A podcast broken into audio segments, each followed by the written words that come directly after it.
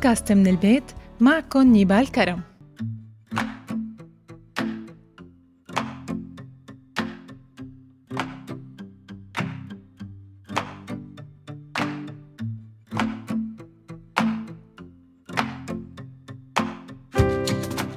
مرحبا.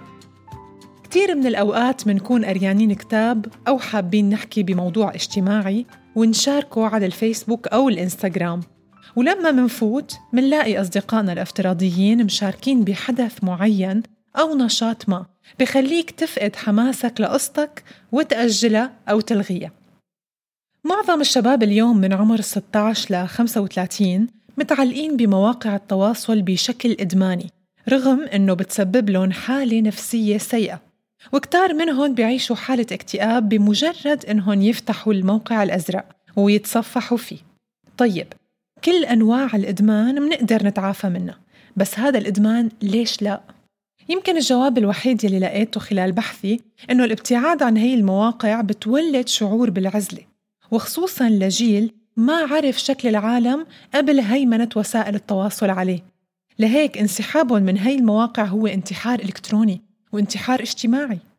اليوم ما عاد في حدود بين العالم الحقيقي والأونلاين وصار صعب التمييز بيناتهم. طيب هل في علاقة بين وسائل التواصل الاجتماعي والأمراض النفسية؟ هل فعلا وسائل التواصل الاجتماعي اليوم صار فيها انعدام للمسؤولية الأخلاقية؟ هذا موضوع حلقتنا لليوم خلونا نبدأ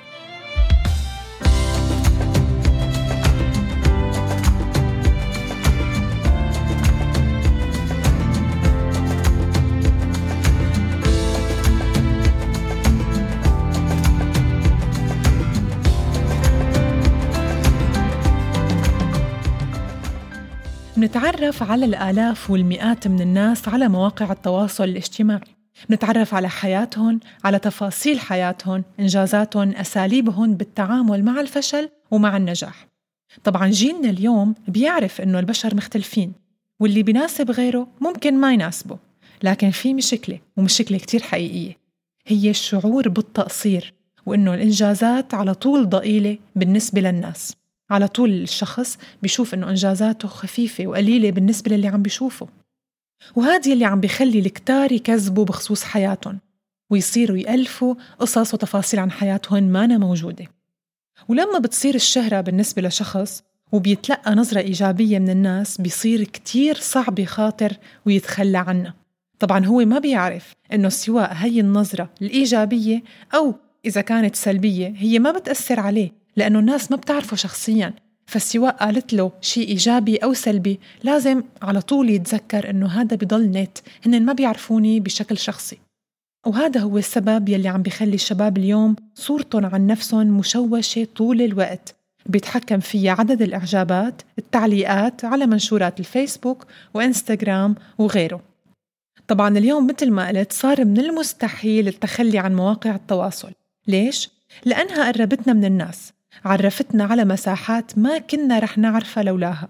وكمان يمكن خلتنا نتقبل آراء مختلفة ونتعرف على تجارب غيرنا من الناس ونحصل على دعم نفسي من الأصدقاء والأهل. لكن بالمقابل ارتفع بنسبة 100% موضوع التنمر الإلكتروني وسحق الآخرين ببساطة. وصارت حرية التعبير عن الرأي بمتناول الكل. بس كيف تصرف الناس بهذا الموضوع يا ترى؟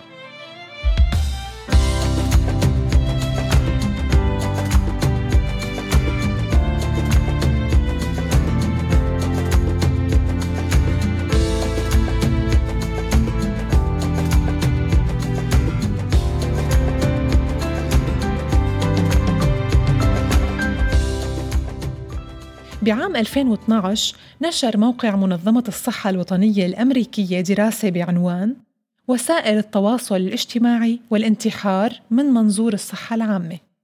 توصلت هي الدراسة لوجود رابط من خفيف إلى متوسط بين استخدام مواقع التواصل وزيادة معدلات الانتحار. وإجت أسباب الانتحار بين التعرض للمضايقات الإلكترونية والتنمر، خاصة بفئة الشباب والمراهقين. طيب شو الأمراض النفسية يلي بتسببها هي المواقع ونحن منشوفها على هي المواقع يا ترى؟ واحد حسد الفيسبوك يمكن يكون هذا المصطلح قاسي شوي أو مبالغ فيه بس اللي عم بيصير لما يستاء حدا من ترقية شخص بعمله أو من صورة رحلة لحدا من الأقارب أو من مجرد سيلفي حلو بخلينا نتساءل عن مشاعر الغيرة والحسد يلي عم تثيرها مواقع التواصل وهذا الشيء بينعكس على حياتنا بإحساس عدم الرضا وقلة احترام الذات. اثنين الخوف من فقدان الفرصة. مصطلح جديد بدل على مشاعر القلق والخوف يلي بتنشأ عند الشخص بسبب إدراكه إنه فوت فرصة الشيء يلي عم بيجربوه الآخرين وبتدفع هذا الشخص للبقاء على اطلاع بما يفعله الآخرون على منصات التواصل.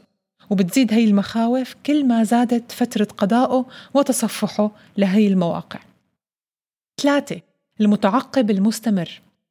هذا المصطلح بدل على الأشخاص يلي بضل الهاتف بإيدهم على طول سواء باجتماع أو على الأكل بالجلسات العائلية. وهدول الأشخاص عندهم أعلى مستوى من الإجهاد والقلق لأنهم بدهم دائما يتصفحوا الإيميل الفيسبوك وغيره. أربعة الرهاب الاجتماعي. هو نوع من الاضطرابات النفسية يلي بيشعر فيها الشخص بالقلق والخوف من التعرض لموقف فيه إذلال للذات وكأنه تحت المجهر يعني كأنه مراقب من الكل. وهذا بخليه ينعزل لحتى ما يتعرض لهيك موقف. وكتار بيلجأوا للرسائل والواتساب وبيتجنبوا المكالمة أو اللقاء المباشر. ليش؟ بسبب الخوف والقلق.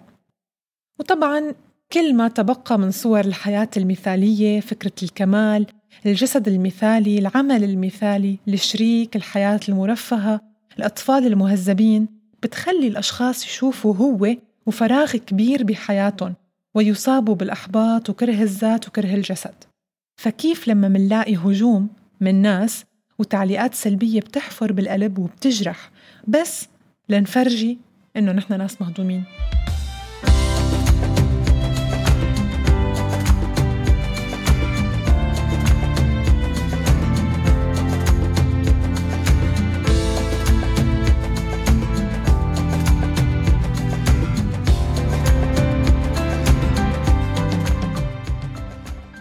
إذا مننتبه بكل بوست على الفيسبوك أو صورة منلاقي كمية تعليقات مستحيل نقدر نتقبلها على حالنا أو على شخص قريب منا وللأسف تحت صورة كل فنان أو ممثل أو شخص محقق نجاح معين منلاقي كمية تعليقات بيخجل الشخص يقراها أو هضامة مدعية لإضحاك الناس. وكل هاد على حساب الشخص الثاني هل في أخلاقيات للتعامل الإيجابي مع وسائل التواصل الاجتماعي؟ أكيد. واحد وسائل التواصل سلاح ذو حدين. يعني هي الوسيلة ما إنها صالحة وما إنها سيئة. يلي بيحدد هذا الشيء هو استخدام الشخص لإله حتى السكين أداة مصنوعة لقطع اللحم والخضرة يعني للنفع والاستخدام. لهيك لما نحكي عن النت والتعامل فيه ما منكون ضده لكن ضد الخبث والشر والإساءة يلي عم تصير عليه. الفساد التهريج التزييف. أما الأخلاق هي أخلاق. اثنين للحرية حدود. مهما كان الزمن متسع فيه فضاء الحرية ما بيكون زمن مفتوح على مصراعيه. يعني ما بتنكسر فيه كل الحواجز والحدود والضوابط والقوانين لدرجة الانفلات والتسيب والاستهتار بالقيم. فمثل ما كنا نقول عن الحرية قبل إنها بتنتهي عند حدود الآخرين وإنه ما بيصير نذل ونهين الشخص الثاني هذا بيبقى بوجود مواقع التواصل الاجتماعي. صح نحن اليوم بفضاء مفتوح بس ما لنا بغابة بشرية. وللأسف هذا الشيء نحن قررناه ونحن عم نشوفه كل يوم على صفحات المواقع. ثلاثة التقنيات الحديثة مسارح للإبداع والتنمية.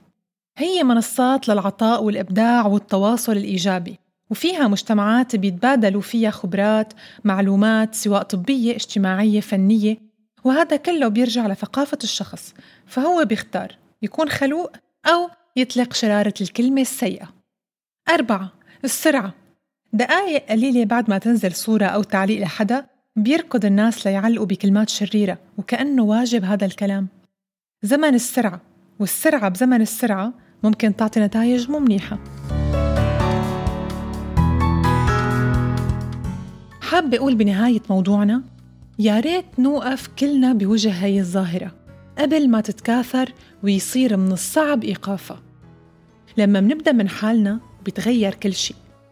لا تعلم الجيل يلي جاي الحقد والمسخرة والتهريج.